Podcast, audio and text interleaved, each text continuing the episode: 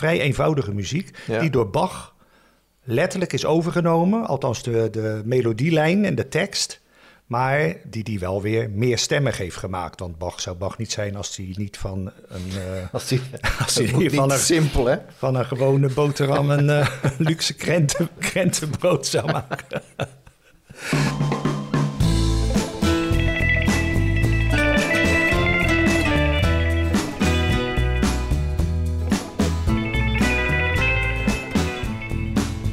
Lieve luisteraars, welkom bij de Verhalenvast. De podcast waarin ik samen met een gast op zoek ga naar verhalen.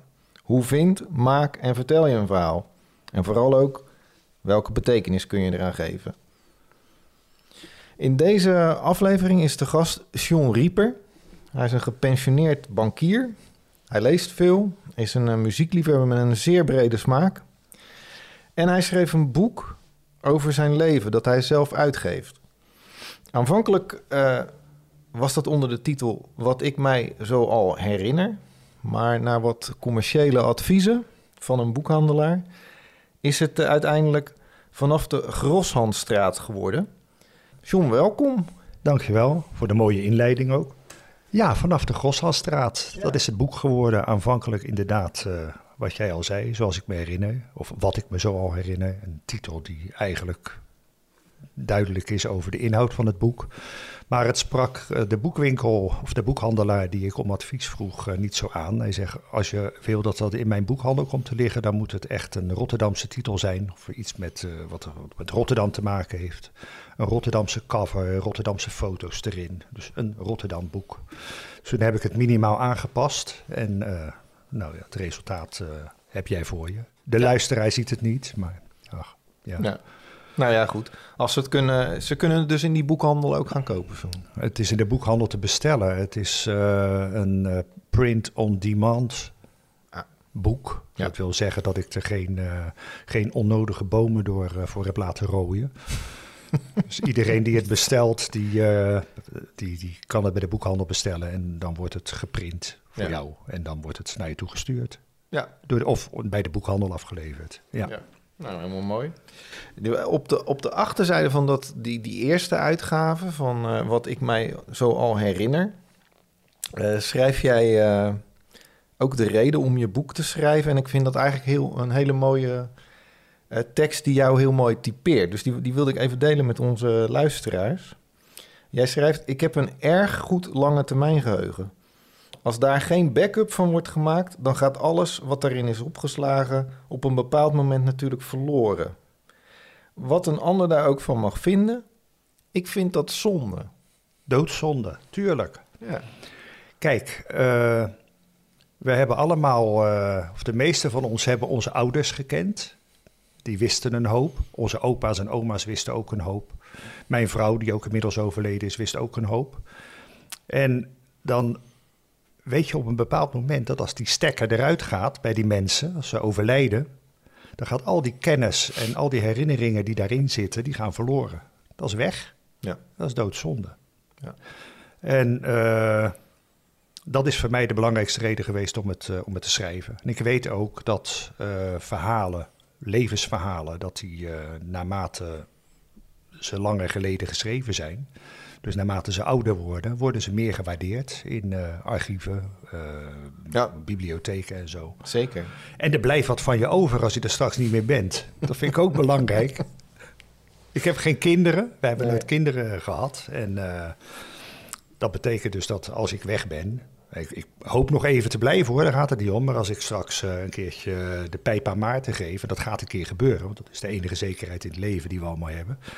dan vind ik het leuk dat eh, sommige mensen nog zo'n boek in hun eh, boekenkast hebben staan. En het Ja. is in de Rotterdamse bibliotheken ook eh, te lezen.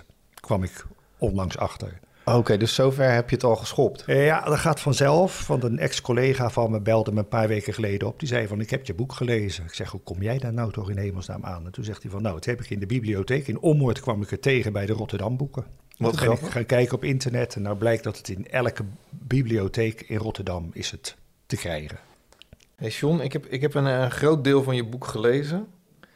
En uh, naast schrijver heb, vind ik je ook een soort notulist. Een soort uh, notulist van het leven of zo. Dat je, je hebt. Ja, ben ik ook je, je, je, bent ja. inmiddels 68. maar je hebt een geheugen. Of je hebt toegang ja. tot een geheugen waar ik niet eens van kan dromen nee. dat ik het zou hebben. Nee, dat, dat en je zo. weet zoveel uh, details, lees ik in, jou, in jouw teksten terug. En dan, en dan vraag ik me af van, joh, hoe zuiver of hoe gekleurd is die hoe zijn die herinneringen van jou eigenlijk? Ja, ik, uh, ik weet inderdaad, en dat heb ik ook uh, op de laatste pagina van mijn boek beschreven, hè, dat, of een soort disclaimer, dat je geheugen beïnvloed kan worden door, door allerlei gebeurtenissen die daarna komen. En dat ze daarom niet altijd even zuiver hoeven te zijn. Nou ja, als de wetenschap dat zegt, dan ga ik ervan uit dat dat zo is. Ja. Maar zelf kan ik daar niet over oordelen, want zoals ik het me herinner of denk te herinneren, zo is het volgens mij geweest. Ja.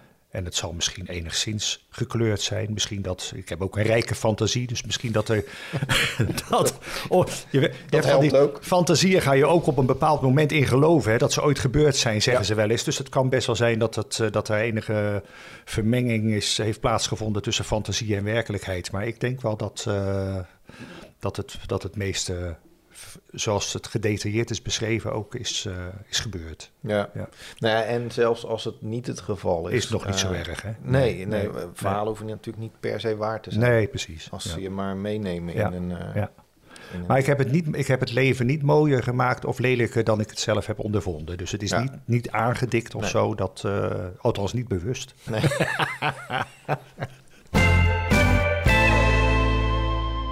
Hey, maar John, we zitten, we zitten hier vandaag eigenlijk uh, niet per se vanwege jouw boek. Um, maar we zitten hier vanwege de Matthäus Passion. Komt ook een Mijn beetje obsessie. De, jouw ja. obsessie, ja. ja. Komt ook een beetje ja. door de tijd van het jaar. Hè. We zitten vlak voor uh, Pasen. Ja. Um, en ik ken jou natuurlijk best wel een beetje. En, en het grappige is dat, dat die, die, die, die enorme... Uh, ja, drang naar details, zeg maar, die je in je boek hebt, dat heb je ook met die in je Matthäus. onderzoek ja. naar de Matthäus Passion. Ja, ja, ja, ja, dat is iets waar ik, uh, waar ik een beetje mee top. Ja, ik leid er niet echt onder, maar daar top ik wel een beetje, een beetje mee. Dat, uh, dat elke Matthäus Passion die ik beluister, en ik, ik heb er inmiddels, en dat hoort bij iemand die een obsessie heeft, heb ik dus een stuk of 60, 70, heb ik er op een harde schijf staan die ik regelmatig, niet helemaal, maar wel gedeeltelijk beluister. Ja. En dan merk ik allerlei verschillen. Uh, en die verschillen die, die, die, die heb je in tempi, hè, tempo's en in, ja. in de grootte van koren. Er zijn dingen die men nog niet precies weet hoe Bach het precies bedoeld heeft. Maar wat wel zeker is, is dat iedere dirigent, iedere concertmeester probeert die Matthäus Passion zo authentiek mogelijk op te voeren. Ja, dat is belangrijk. Dat is belangrijk. Die authenticiteit. Tenminste, ja, dat is, dat is belangrijk. Ja, wacht. Nou, dan, Voor, voordat je verder gaat, John, ja? want ik denk dat er misschien wel uh, wat mensen zijn die naar deze podcast luisteren en eigenlijk helemaal niet zo goed weten, wat de Matthäus Passion is. Ja, ja ik, want ja. Ik, ik, ik, zat zelf bijvoorbeeld vorig jaar ben ik naar de Matthäus Passion geweest in de Doelen. In de doelen. Ja. En um, toen op de terugweg in de metro kwam ik een jongen tegen van de voetbal. Een jonge knul nog, ik denk van een jaar of twintig. En die vroeg veel, waar ben jij geweest dan? En ik zeg van, nou, ik ben naar de Matthäus Passion geweest. En dat, dat was echt... Ik keek in een hele grote leegte, ja, zeg maar. Er was geen... Uh, en hij was zelf was hij naar een concert geweest van Mart Hoogkamer. Dus het verschil kon ook niet heel veel groter zijn. Maar ik kon ook niet in een paar woorden uitleggen wat nou precies de Matthäus Passion was. Maar ik denk dat we toch misschien even een poging moeten wagen om dat een beetje te duiden voor mensen. Ja, de Matthäus Passion.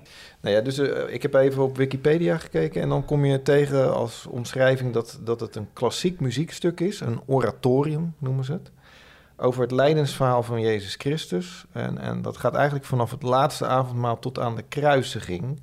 En dat is dan zoals het beschreven is door apostel Matthäus. En uh, dus de muziek daarbij is gecomponeerd door Johann Sebastian Bach. Um, Oké, okay, dan hebben we dat voor iedereen duidelijk. Jouw eerste kennismaking met die uh, Matthäus Passion kwam al heel vroeg in je leven. Ja, op mijn uh, negende jaar zat ik het eerste jaar van het, het was het eerste jaar dat ik op een uh, op de Dominicus school zat. Dat is een, een katholieke school uh, in uh, Rotterdam Bergpolder, Blijdorp, mm -hmm. op de grens daar. Wij kwamen uit het oude Westen en we zijn toen verhuisd naar, naar, naar Bergpolder. Daar ben ik op die school gekomen en daar zat een een muziekleraar, Jan Brown. Hij is bekend, in de, tenminste, hij heeft op veel Rotterdamse scholen lesgegeven. En Jan Brown die had een, uh, een zangkoor. En dat zangkoor trad ook buiten de school op. En eens per jaar hoorde daarbij de uitvoering van de Matthäus Passion in de Grote of Sint-Jan-kerk te Gouda.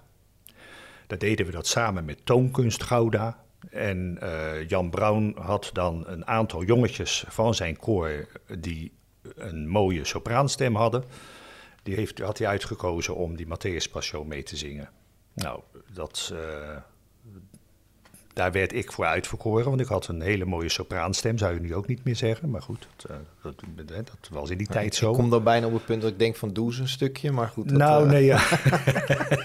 dan moet er heel wat gebeuren, zodat ik die stem weer terugkrijg. Oké, okay, nee, dat gaan we maar, doen. dus wij, wij oefenden twee keer per week na schooltijd oefenden we een paar koren wij studeerden dat in en dat was een vrij onsamenhangend geheel eigenlijk. Steeds een zinnetje uit een, uh, uit een tekstboekje uh, zingen. En op een bepaald moment, toen we al die zinnetjes geleerd hadden, dat, dat deed me eigenlijk niet zo gek veel, maar die wisten we toen uit ons hoofd als jongetjes. Toen ging die de grammofoonplaten bijhalen. En er werd een grammofoonplaat opgezet en daar kwam een muziekstuk naar voren waar, wat totaal niet leek op wat wij, ons, wat wij hadden ingestudeerd. Maar tussendoor, tussen al die volwassen koren die daar uh, meerstemmig zongen, uh, hoorden we ineens een kinderkoor. En toen dachten we, hé hey, verrek, dat zijn die zinnetjes die wij geleerd hebben. Ja. Dus uh, toen ging dat spreken. Toen we dat helemaal geoefend hadden, zijn we dat in de Sint-Jan gaan zingen. Toen ik daarvan terugkwam, s'avonds met de bus over de oude weg, de hoofdweg naar Gouda, weet je wat. Toen we weer terugkwamen op school. Uh, naar huis gegaan, naar bed gegaan. Eerst nog een pannenkoekje gegeten. Dat was traditie in het pannenkoekenhuis wat tegenover de Sint-Jan in Gouda zat. Kregen we allemaal een halve grote pannenkoek. Dat, dat hoorde bij de Matthäus Passion? Dat, hoorde, dat, dat kregen wij na de eerste helft.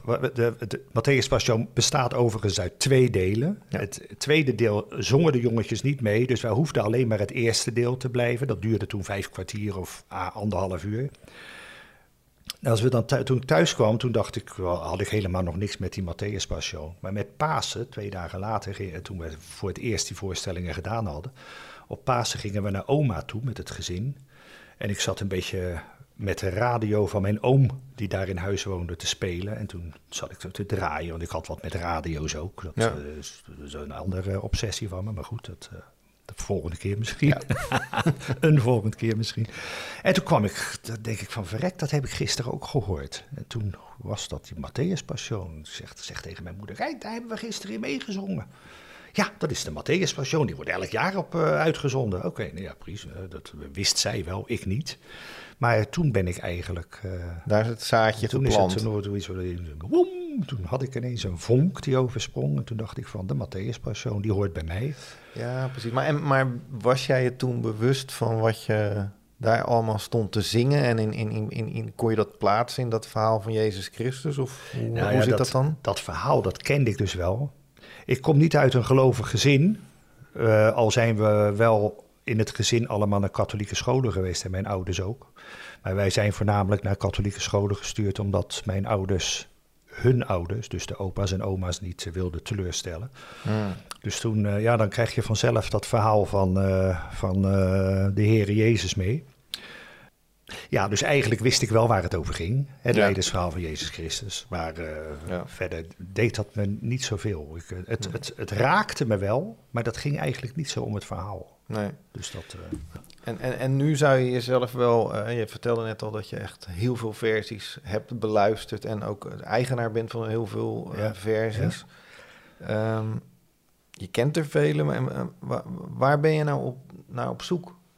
In, in... Ik, ik ben op zoek naar de authentieke Ja, dat is De belangrijk voor jou om, Passion. om, Ja, om en er de zijn- meest zuivere vorm te ja, vinden. Ja, ja. En, en dan denk ik bij mezelf, er- er- er- er- er is iets waar ik echt mee worstel. Want eh, ah, wat, wat, ik, wat mij het meest eh, dwars zit, is van als er één zekerheid is, dan is dat, vastge, dan is dat de partituur die, eh, die Bach heeft vastgelegd. Ja. Die, die is bewaard gebleven. Ja. En als je dan authentiek de Matthäus Passion wil uitvoeren, als je het tempo niet kent, je weet niet hoe groot de koren waren en hoe ze tegenover elkaar eh, stonden, eh, of als daar twijfels over zijn, hou je dan in ieder geval strikt aan die partituur. Ja. Want die heeft hij niet voor niets zo opgeschreven. Eh, toen ik jaren geleden ging vergelijken, die Matthäus Passion, had ik die partituur niet in handen. Ik kan ook geen eh, noten lezen, dus dan Nee. heeft het ook nauwelijks zin om die partituur te hebben. Toch heb ik hem op een bepaald moment gekocht. Ik dacht van ja, alles is te leren. Dus, en, en eh, misschien dat muziek lezen erg moeilijk is, voor mij althans wel. Maar ik weet wel dat als er twee van die nootjes op dezelfde lijn staan, dat ze ook in dezelfde toonhoogte gezongen moeten worden. Ja. En dat merk je nou in de, in de, in de meeste Matthäus Passionen die nu worden uitgevoerd, dat daar met opzet in gevarieerd wordt. En ik vraag me af, waarom doet men dat? Ja, is het, klinkt het makkelijker? Is het makkelijker te zingen? Eh, is die partituur die ik heb, of die partituur die Bach geschreven heeft, eh, zijn er nog meer? Ik, ik, ik, ik weet het niet, maar dat is een Ja. raadsel voor mij. Daar kom ik nog wel eens een keertje achter hoor, daar gaat het niet om. Want Ja. Er zijn Bach-kenners genoeg die, eh, die ik eh, nog niet heb aangeschreven erover of geraadpleegd heb. Maar daar Ja. moet ik nog een keer zien achter te komen. Ik rust niet voordat ik dat weet. Voor Dit moet tot de bodem worden uitgezocht. ja, ja. Maar oké, John, maar dus jij zegt van... eh, voor mij is het heel belangrijk om zo, zo dicht mogelijk bij die authentieke... of bij de, zoals Ja. het ooit bedoeld is te komen. ja. Ehm, En maar ondertussen speelt, die, speelt die, dat stuk een heel belangrijke eh, rol in jouw leven. ja, ja. En, ehm, en dat, dat, wat, wat is dat dan? Zit er, is dat nostalgie? Is dat, eh, troost Ja. het je? Of waar, waar, wat raakt dit bij Ik, jou? ik, denk, ik denk dat dat eh, hoofdzakelijk nostalgie is. Of in ieder geval voor een belangrijk deel nostalgie. Ja. Kijk, als ik naar een Matthäus Passion luister, of tenminste de meeste uitvoeringen, want sommige die, die, die, die, vind, ik, die vind ik vreselijk om naar te luisteren. Ik noem geen, eh, geen voorbeelden, dat is ook heel persoonlijk. Mhm. Maar als ik naar eh, de Matthäus Passion luister, dan word ik rustig. Ik word daar kalm van. ja. En ik, ik ga ook zitten, ja, hoe heet dat, te mijmeren. Het, is muziek die uitnodigt tot mijmeren. ja. Iedereen maakt dingen mee in zijn leven en ik, ik word daar rustig van. Ik, eh, Ja. Dus ook wel troostend dan. Het is Of- absoluut troostend. Ja. Ja. Nou, en ik kan er ook een traan bij laten als ik naar een. eh, als ik, als ik, als ik, ik, ik, ik kan me nog herinneren dat. eh, twee jaar voordat mijn vrouw overleed, zijn wij nog. Nou, nee, drie jaar denk ik, want ze is nog een poos ziek geweest ook. Maar zijn wij samen een keer naar de Matthäus Passion geweest. Op de eerste rij in de Doelen. ja. eh, waar ik het liefste zit. Niet omdat dat nou de beste plek is eh, om, eh, hoe heet het, akoestisch gezien. Mhm. Maar dat is wel de beste plek om je benen kwijt te kunnen als je lang bent. Dus dat, is, dat speelt voor mij dan weer mee. maar dan zijn we samen naar de Matthäus Passion geweest.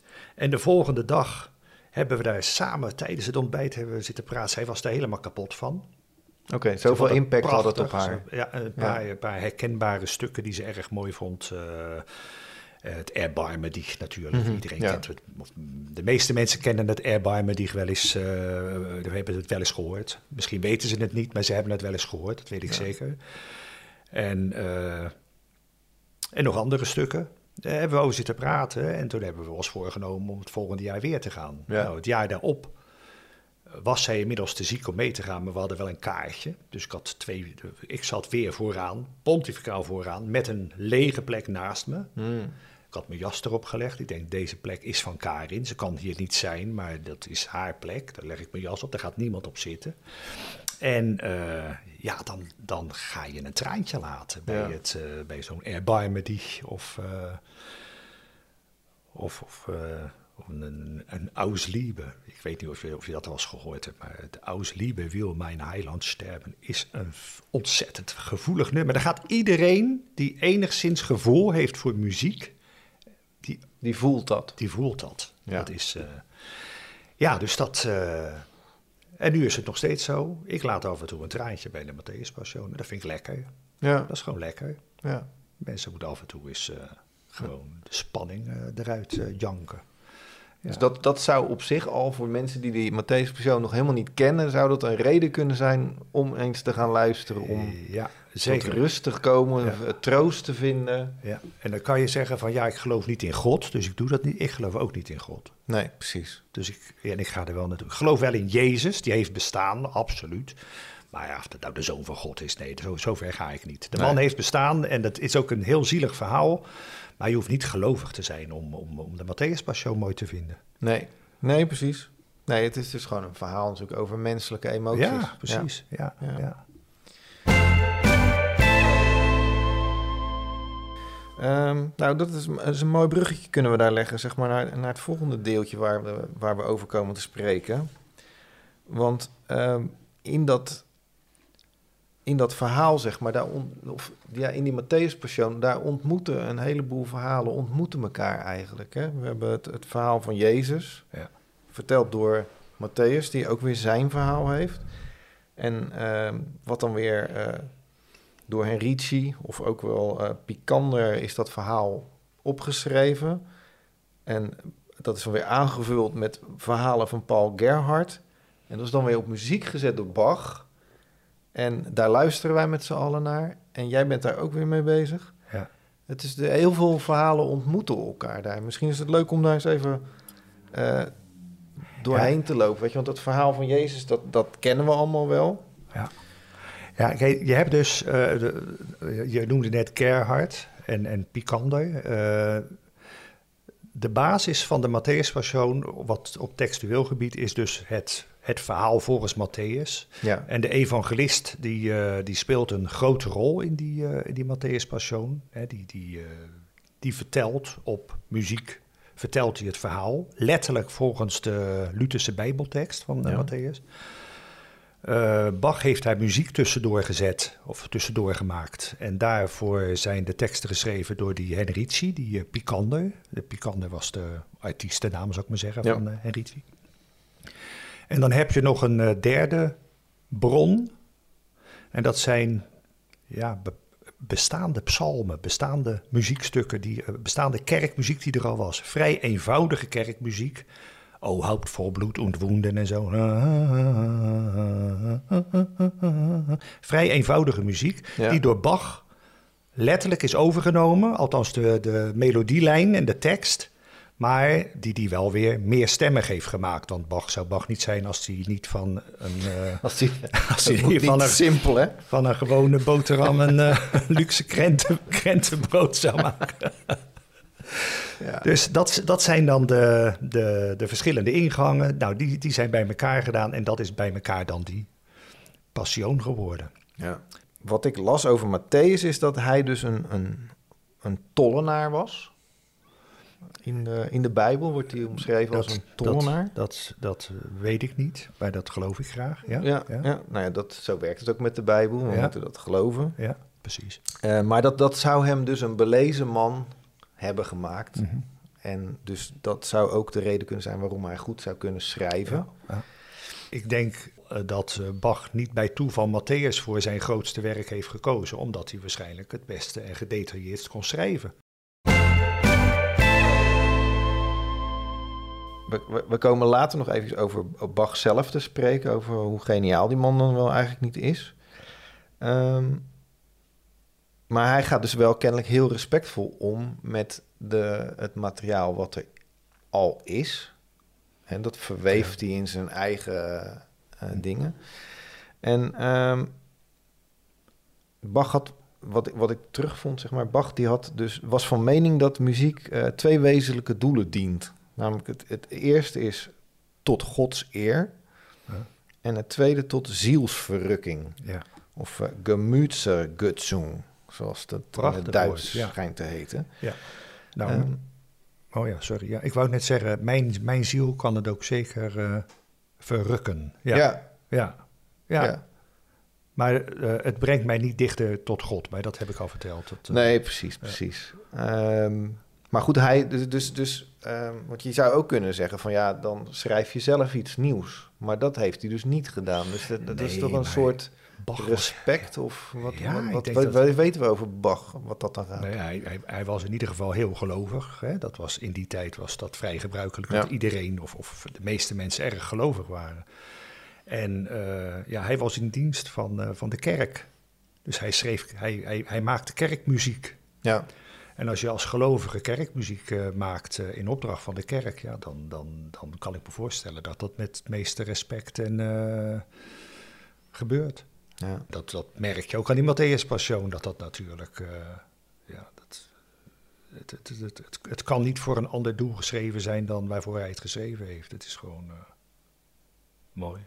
Ja. Prachtig. Nee, en, en dat vinden dus heel veel mensen, die vinden het, het, het mooi. Het, schijnt dus, hè, want als we dan in dat, dat rijtje van mensen die zeg maar, uh, nou ja, waar die verhalen allemaal samenkomen, dan blijkt dus ook dat de luisteraar eh, er, is in, er is in geen enkel land ter wereld ja. wordt zoveel naar de Matthäus Passion geluisterd als in Nederland. Nee, ja. En ook het aantal uitvoeringen is, lopen wij kennelijk ook in voorop. Wat, wat, wat vertelt ons dat over ons? Uh, ja, dat is ook iets waar je je hoofd over kan breken natuurlijk. Je zou denken van, nou, misschien zijn die Nederlanders ontzettend gelovig en uh, gaan ze daarom uh, trouw naar de Matthäus Passion elk jaar. Maar dat is niet het, niet Nee. het geval. Dat Nee. weten we gewoon. Het aantal gelovigen neemt af, terwijl de belangstelling voor de Matthäus Passion eerder toeneemt. ja, precies. Ik denk dat wij, eh, behalve natuurlijk dat, dat er veel mensen van mooie muziek houden, dat we erg van eh,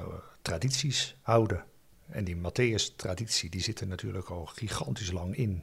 Maar zeg, zeg je dan dat, dat de Matthäus Passion is net zoiets als... eh, je hebt met Pasen heb je de matzes die je eet, de eitjes Ja, die je die ja. eet. En, en dus de, de- Pasen en de is... jaarlijkse kermis en eh, ja. En zo hoort, Ja. zo hoort de Matthäus Passion daar ook bij. Een soort gewenning. Denk ik wel. Ja, Ja, het, is een, het, is een, het is een uitje, het is een festival. Eens Ja. per jaar eh, naar de Matthäus Passion. Het is hier al begonnen in de jaren 30. De oudste versie die ik overigens heb, die dateert uit 1935. Van, eh, hoe heette die man? Wijsbach. Mm. Die opnamekwaliteit is natuurlijk slecht, maar dat maakt ook niet uit. Maar ik ben blij dat ik hem heb. ja. Maar toen was hij in Nederland nog niet zo populair. We hebben meneer Mengelberg gehad. ja. Die heeft in de jaren 30 eh, de Matthäus Passion echt in Nederland op de kaart gezet. Met Mengelberg is het muzikaal niet goed afgelopen, omdat hij eh, bepaalde sympathieën had eh, in de Tweede Wereldoorlog, die, Mm. die niet zo op prijs werden gesteld. Terecht. Maar Mengelberg is wel degene geweest die eh, die, die, die traditie in Nederland heeft op gang geholpen. Heb Ja. ik het gevoel. ja. Ja, na de Tweede Wereldoorlog is die uh, Matthäus Passion toch uh, echt populair gebleven. Je zou zeggen van nou, je zweert het even af, net zoals de Oekraïners het Russisch uh, helemaal uitbannen. Maar ja, die Matthäus Passion die, die heeft dat gewoon doorstaan natuurlijk. Dus de mensen bleven naar die Matthäus Passion gaan en er kwamen steeds meer uitvoeringen. En Ja. nu is het zo, nou ja, je weet het, zelfs de Tweede Kamerleden gaan eens per jaar... Gaan, misschien, houden, misschien houden ze er niet allemaal van, maar traditiegetrouw gaan ze naar die uh, kerk in Naarden om daar uh, te, luisteren. te luisteren naar die Matthäus Passion. Maar er moet, er moet wel meer zijn, toch, John? Je, het ja. moet wel een bepaald, uh, het moet wel iets raken om nou ja, natuurlijk goed, zo groot te kunnen worden. Zoals het mij raakt als uh, niet-gelovige, zo zal het meer mensen raken. Ja. Als je gevoel hebt voor prettige, voor, voor mooie muziek. Ja. Zo simpel zeggen, ja. Maar jij zegt nu, uh, we, we, gebruiken het woord raken, want dat is wat het doet. Maar bij jou is het wel meer dan dat, hè? Want het is toch wel, we kunnen hier eigenlijk toch wel in jouw geval praten over een obsessie. Ja, lekker man. een heerlijke obsessie, ja. Ja, het is... Uh... Ja, als ik, als ik naar, uh, naar die Matthäus Passion luister, dan... Dan ga ik aan, ik kan mijn ogen lekker dicht doen en dan ga ik zitten mijmeren en zo. En dan kan ik af en toe ineens opschrikken. Dan denk ik van, ik hoor hier een toon. die er volgens mij niet in hoort, dan ben ik even van streek. En dan is dat niet omdat een, een instrumentalist of een, uh, of een koorlid ernaast zat, maar gewoon dat hij dacht van nou laat ik er eens een toontje tussendoor zetten om het wat gezelliger te maken of zo. Ja. Maar ja, dan ben ik ook wel weer vrij snel hersteld en dan ga ik weer verder luisteren en dan, uh, dan mijmer ik verder. Dat, maar is het nou, want kijk, de, we hadden het net over die traditie hier in Nederland. Uh, Pasen is de Matthäus Passion. Ja. Uh, maar ben jij het hele jaar ermee bezig? Uh, nou, een groot deel van het jaar wel. Ja, het is niet, het is niet als Pasen voorbij is dat je dan denkt van nee, dat was het, dit was het weer voor dit jaar. Nee, nee, absoluut niet. Nee, juist nadat ik zo'n live uitvoering, om het maar zo te noemen, heb meegemaakt, dan worden er weer heel wat passionen beluisterd door mij eh, thuis uh, op de bank. Ik heb wel zo dat ik uh, zo tegen kerst of zo, of rond kerst doe ik het niet. Dat, dat vind ik... Voelt niet goed. nee, dan probeer ik een weihnachtsoratorium of zo. Dan heb ik toch nog een stukje Bach. Al kan me dat niet zo bekoren als die, uh, als die passiemuziek. Maar uh, ja, zo na de jaarwisseling, dan, dan komt hij weer. Dan komt hij weer. Ja, nee, die laat mij niet in de steek.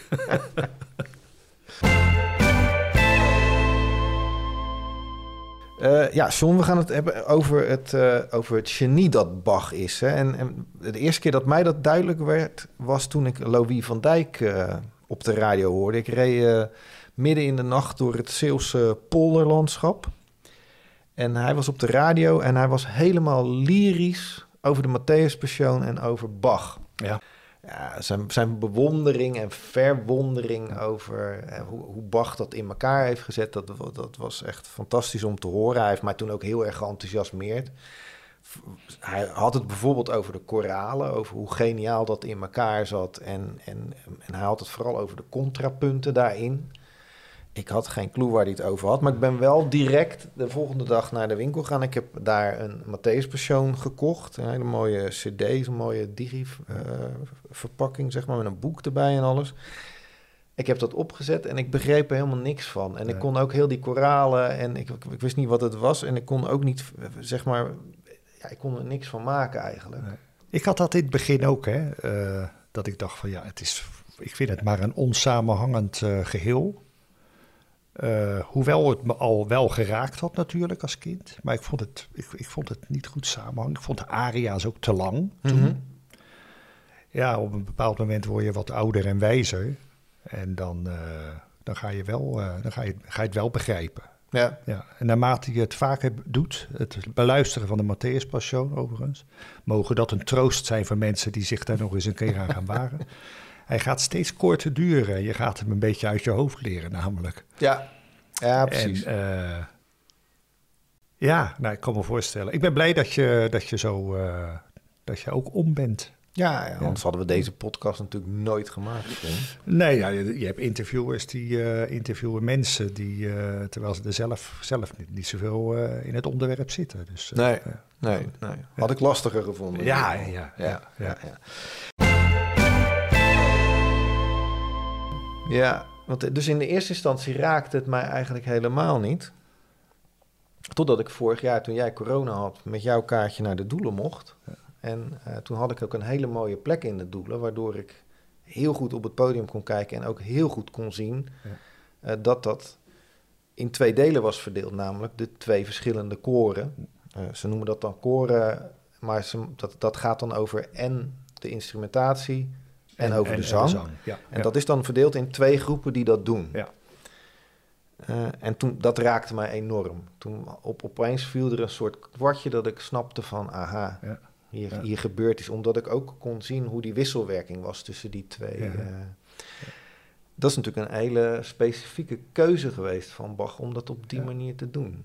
Wat, ja, het was in de operawereld al niet ongebruikelijk hè, om uh, met verschillende koren te werken, maar wel wat kerkmuziek betreft. Pardon. Wat kerkmuziek betreft was het wel uh, uniek, voor zover ik weet. Ja. En dan had hij gekozen voor, uh, voor twee koren inderdaad. En het ene koor, dat, dat koor 1, het belangrijkste koor, dat waren dan de tijdgenoten van, uh, van Jezus. De, de ooggetuigen, zou ik maar zeggen. Mm -hmm. De dochters van Zion worden ze ook genoemd. Oh, ja.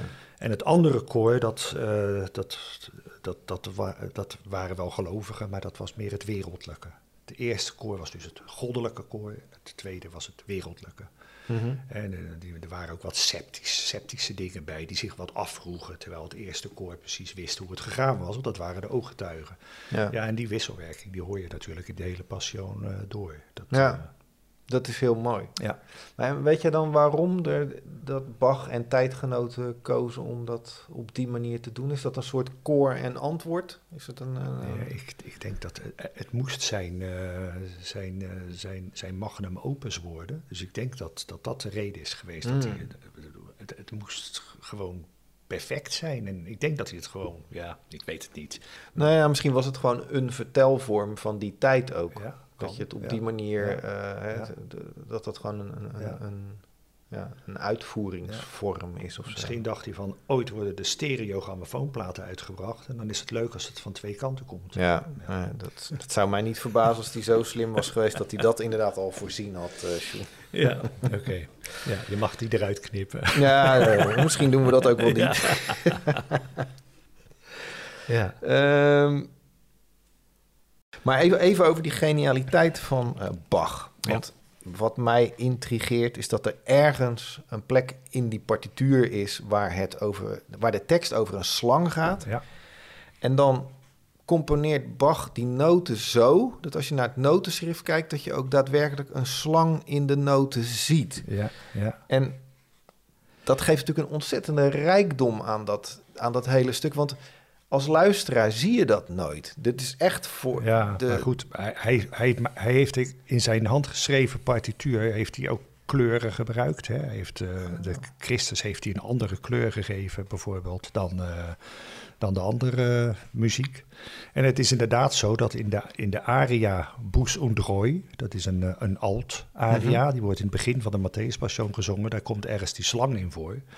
En eh, ja, die hoor je ook in de uitvoering hoor je hem meanderen, zou ik maar zeggen. Hè? Dus die Mhm. toon, die, die, die lettergreep wordt heel lang gerekt gezongen in allerlei toontjes. En ja, dat is dan logisch dat hij in de partituur ook natuurlijk als een, eh, als een slang eh, zichtbaar is. Ja, maar goed, een, een, een, een gewoon componist... of een minder geniaal die- die componist... die, denkt daar denkt niet daar aan. niet eens Nee, aan natuurlijk. nee, Het is natuurlijk nee. gewoon een, een, een wonder. Ja. Want wat ik, wat ik ook las over... en dit, dit lees ik gewoon voor... want dit heb ik gewoon van Wikipedia ge- geplukt... maar Ja. ik vond het wel heel intrigerend. Ja, Ik, ik lees je dit even voor. Bach speelt veel met getallen.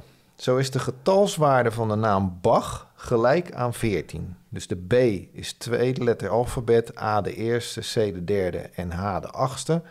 En samen is dat 14. En dat getal 14 komt dan weer veelvuldig voor in die Matthäus Passion. Er zijn bijvoorbeeld 14 koralen, eh, dus wat terugslaat op zijn naam. Maar minder bekend schijnt dan ook te zijn dat, eh, dat er 14 keer naar het hart wordt verwezen in het hele stuk. Ja. En dan in totaal bestaat het uit eh, 68 muziekstukken. ja. Naast de 14 koralen zijn er 27 passages waarin het evangelie wordt gezongen en 27 overige stukken. En het getal 27 staat dan weer voor de drie-eenheid eh, van God. Dus dat is 3 keer 3 keer 3. Ja, ja. En die, de, die, die eh, 27 stukken evangelietekst, die bestaan dan weer uit 729 maten, wat het kwadraat is van 27. Ik vraag me wel, ik vind dat, het is inderdaad geniaal, maar ik vraag me af of het allemaal zo bedoeld is of dat er sommige dingen Maar het zal toch ook niet per ongeluk zo Nee, zijn? nee, nee, nee, maar Dat- er zouden... Kijk, er Als, als, steeds... het- als er één dingetje zo uit te rekenen Ja, viel, dan ja. zou het... Maar dit, dit is natuurlijk wel een soort Ja. van frappant. Ja, zeker. Ja, en dan is het ook nog zo... Ik weet eigenlijk niet precies hoe dat zit, hoor. Maar dat als je eh, het eerste deel... Als je een kruis gaat maken... Een kruis gaat vormen op papier... Van het eerste deel, de horizontale lijn... En het, het tweede deel, het iets langere deel... Dus de verticale lijn... Ja. Dan is het kruispunt, het punt in het midden... Dat is een bepaald stuk wat... Ik weet, niet, nee, ik, weet het, ik weet het gewoon niet. Maar er zit ook nog, er zit ook nog iets Dat- dat- grafisch in dus, zou ik maar zeggen. Ja, precies. Ja. Nou, ja. nou, alles op een rijtje zetten wat ik Ja. over die man nu gehoord heb, Ja. dan ver- ver- verbaast me dat verder eigenlijk. eh. Niet. Ja. nee. nee. Ja. Nou ja, zo kun je nog wel meer over die man zijn genialiteit vertellen. Maar wat, wat ik ook opmerkelijk vond aan, aan zijn verhaal toen ik het las, is dat Bach eigenlijk, Bach en zijn muziek na zijn dood best wel in de vergetelheid zijn geraakt. Dat is, het, dat is het lot van veel genieën. Hè? Dat heb je met schilders ook, die vaak Ja. armoedig sterven en dat hun werk pas later eh, beroemd wordt. ja, bij hem heeft Ja. het ook nog wel een soort drie kwart eeuw geduurd Ja. voordat mensen in de gaten hadden wat hij nou eigenlijk allemaal had Ja. Achtergelaten. Ja, ik geloof dat het. eh, eh, hoe heet die man ook alweer? Oh, ik weet het niet meer. Jammer. Eh, hoe, heet hij nou, joh? Nou, dit, dit gaat niet goed, hè? Ik denk, dit wordt een gevalletje Dit wordt een gevalletje. Ja, een Of gevalletje gewoon knippen. erin laten omdat het grappig is. Ja, maar ja, het ja. Is voor, de, voor de luisteraar is het natuurlijk afzien dit. Ja, dat gaan we niet. Er is een eh, componist geweest die heeft, het, eh, die heeft het werk weer in de bekendheid gebracht. En eh, wij wonen hier, en daar is jouw studiootje ook in de componistenbuurt. En ik, ik weet zijn naam niet meer. Hmm. Mendelssohn? Ja, Mendelssohn. Ja, het is eh, volgens mij Mendelssohn geweest die het werk weer in de bekendheid heeft gebracht. Dat was ook een componist, hè, beroemde componist. En die heeft, eh, die, heeft die, eh, die muziek gevonden van Bach. En die heeft, daar een, die, die heeft dat gearrangeerd, zou ik maar zeggen. En die heeft daar zijn eigen versie van gemaakt. Het zou je niet verbazen dat ik die ook heb in mijn verzameling. Eh, Heeft hij dat een beetje fatsoenlijk gedaan? maar hij heeft het redelijk fatsoenlijk gedaan. Maar het spreekt mij niet zo aan. Dat hij heeft bepaalde aanpassingen gedaan die ik, die ik eh, niet, niet, ja, niet gedaan zou hebben. Ik- Mhm. ik, dat zou ik geen eens kunnen natuurlijk. Maar die, die ik niet helemaal waardeer. Maar dat Ja. komt. eh, na de hand is die versie van Mendelssohn. Die wordt nog wel eens uitgevoerd. Maar die is ook natuurlijk lang niet meer zo beroemd als, als dat het originele werk is. Maar Nee. ik denk dat, dat hij wel voor een groot gedeelte verantwoordelijk is voor het feit dat het, dat het nu zo populair is. Oké, Ja, heeft hij goed gedaan dan. zeker. Ja. Ja.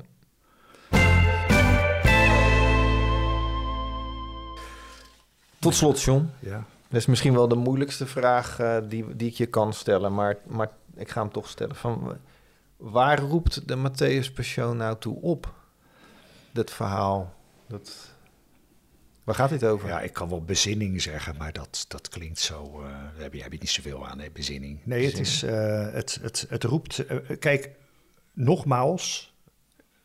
ik heb niets met geloof. Dus ja, misschien wel heb ik wel wat met geloof, maar niet met, met God.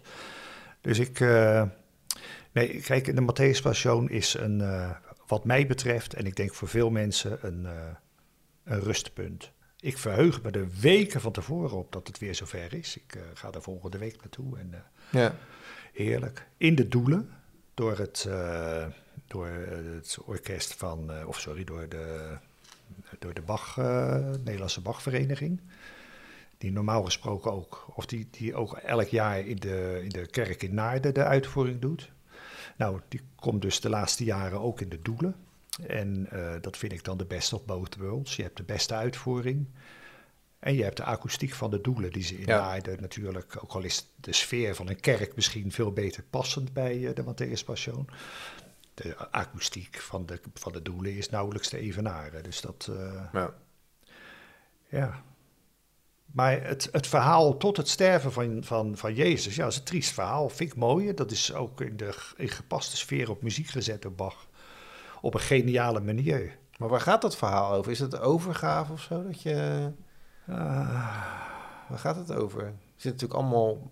Ik, ik, komt Judas erin voor, die drie keer... eh, Ja, Judas, Het verraad komt, eh, pleegt. Judas eh, komt erin voor. Die pleegt niet drie keer dat verraad. Judas die krijgt die dertig zilverlingen om Jezus te verraden. En dat drie keer verraden is goed dat je dat zegt. Je hoort vaak zeggen in beeldspraak dat eh, eer de haan drie keer gekraaid heeft. mhm. Dat klopt niet, hè? Petrus, die heeft Jezus drie keer verlogend. En na de derde keer kraaide die haan. Maar dat was maar één keer. Dus drie verloocheningen en één keer kraaide die haan. Ah, oké. Overigens, dat vind ik wel leuk aan de variaties in de Matthäus Passion. Ik hou niet van geïmproviseerde variaties. Maar je hebt een eh, continuo-speler. Dat is een man achter zo'n orgel die een beetje Matthäus, of sorry, die, ja, Matthäus, die de evangelist en, uh, en Jezus vergelijkt. En uh, er is een gewoonte van gemaakt de laatste jaren, dat als de haan gekraaid heeft, dat die continuo-speler, dat die het geluid van de haan op zijn manier een beetje nadoet. Oké, dan mag hij een eigen mag hij zijn eigen ingeven. Ja, dat, en dat, dat, dat vind ik wel toelaatbaar. Dat vind ik een hele leuke traditie geworden ook. Ja. Maar voor de rest moeten ze van, het, uh, van de partituur afblijven. Ja, ja, ja, ja, ja, ja, dat mag helder zijn. John, als nou iemand uh, denkt van... joh, ik wil toch ook eens gaan luisteren naar die Matthäus Passion. Wat, wat, is het begin? Zelf heb ik bijvoorbeeld uh, de, de uitvoering van uh, Gardener gekocht. ik had gegoogeld, wat, is de mooiste uitvoering die er bestaat. En dan kom je, zijn veel mensen het over eens dat het zijn versie is uit 1988. Um, maar goed, jij kent er veel meer. Uh, waar, waar, wat is een goede plek om te starten als je nu denkt van... nou, ik ben eigenlijk wel nieuwsgierig geworden. Gardener is een hele goede manier om te beginnen. Want het is inderdaad een uh, fantastische uitvoering.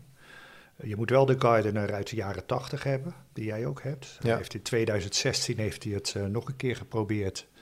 Maar dat vind ik niet zo'n geslaagde versie. Daar wordt door een... daar is een countertenor die de altpartijen zingt. En die geeft er een beetje zijn eigen invulling aan. En het is inmiddels wel duidelijk dat ik daar niet zo van, uh, niet zo van hou. Maar dat is een hele goede manier om te Hij is ook heel goed opgenomen voor een uitvoering uit de jaren tachtig. Ja. Ik bedoel, vaak is het zo in oudere opnames dat koorzang is heel moeilijk goed weer te geven. Dat gaat schetteren en uh, zeker als je op goede apparatuur luistert. Maar de, bij die Gardener valt dat heel erg mee, die is goed opgenomen. Je hebt ook Nederlandse versies uh, van, hoe heet die man die pas is overleden? Jan Rot heeft een Nederlandse versie oh ja? uh, gemaakt, de Nederlandse vertaling van de Matthäus Passion. Oh. Die is ook nog wel ergens terug te vinden. Uh, ik heb hem natuurlijk, maar ja, dat, ja. Dat, daar heb je als luisteraar niets aan. Nee, maar wel leuk. Wel leuk. Ik kan me wel voorstellen ja. dat hij daar een hele mooie. Edwin, tekst Edwin, van heeft Edwin. Rutte heeft, heeft een soort versie gemaakt waar hij commentaar in geeft, uitleg geeft tussen de diverse stukken door.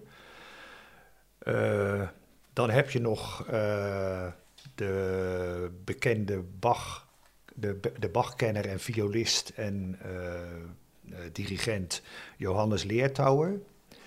Dat is een hele bekende en onderlegde Bach-kenner. Die heeft een podcast. Nee, geen podcast. Geen concurrent van jou. Die heeft een, uh, hoe heet dat? Een podcast met, met video erbij. Een vlog. Een vlog uh, gemaakt in, uh, nou, ik, ik geloof, nou ja, tientallen delen zelfs.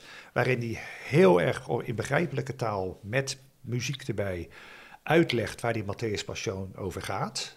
Dus als je niet gelijk wil luisteren, maar je wil eerst wat leren. Johannes Leertouwer. En uh, ja, en wat verder nodig is, is even een moment van rust zoeken. En een, een goede vertuin en een, en een glas, uh, een, een, een, goed glas met uh, thee of uh, wijn of wat je maar lekker vindt. Ja. En jezelf de tijd gunnen om even een uurtje, begint niet langer dan een, gaat niet gelijk 2,5, 3 uur zitten luisteren. Maar luister even dat eerste deel dan af. En ga er dan wat over lezen. En ja, dan word je vanzelf net zo gek als ik. Goed vooruitzicht. ja. Misschien toch nog eens een keertje heroverwegen dit. Ja. John, bedankt. Alsjeblieft.